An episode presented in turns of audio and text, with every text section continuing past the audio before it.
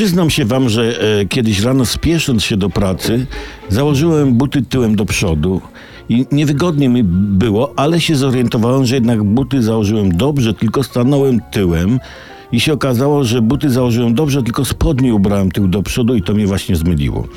No taka po, po, po, poranna poranne wydarzenie. Buty. Parę refleksji. Buty.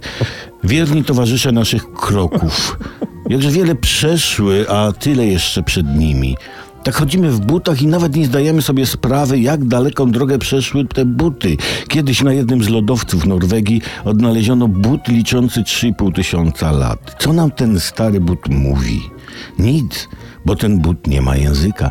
Jest z jednego kawałka skóry, a poza tym buty nie mówią. A jakby nawet mówiły, to i tak byśmy nie pojęli języka butów sprzed 3,5 tysiąca lat. Do tego jeszcze języka norweskich butów. No nie.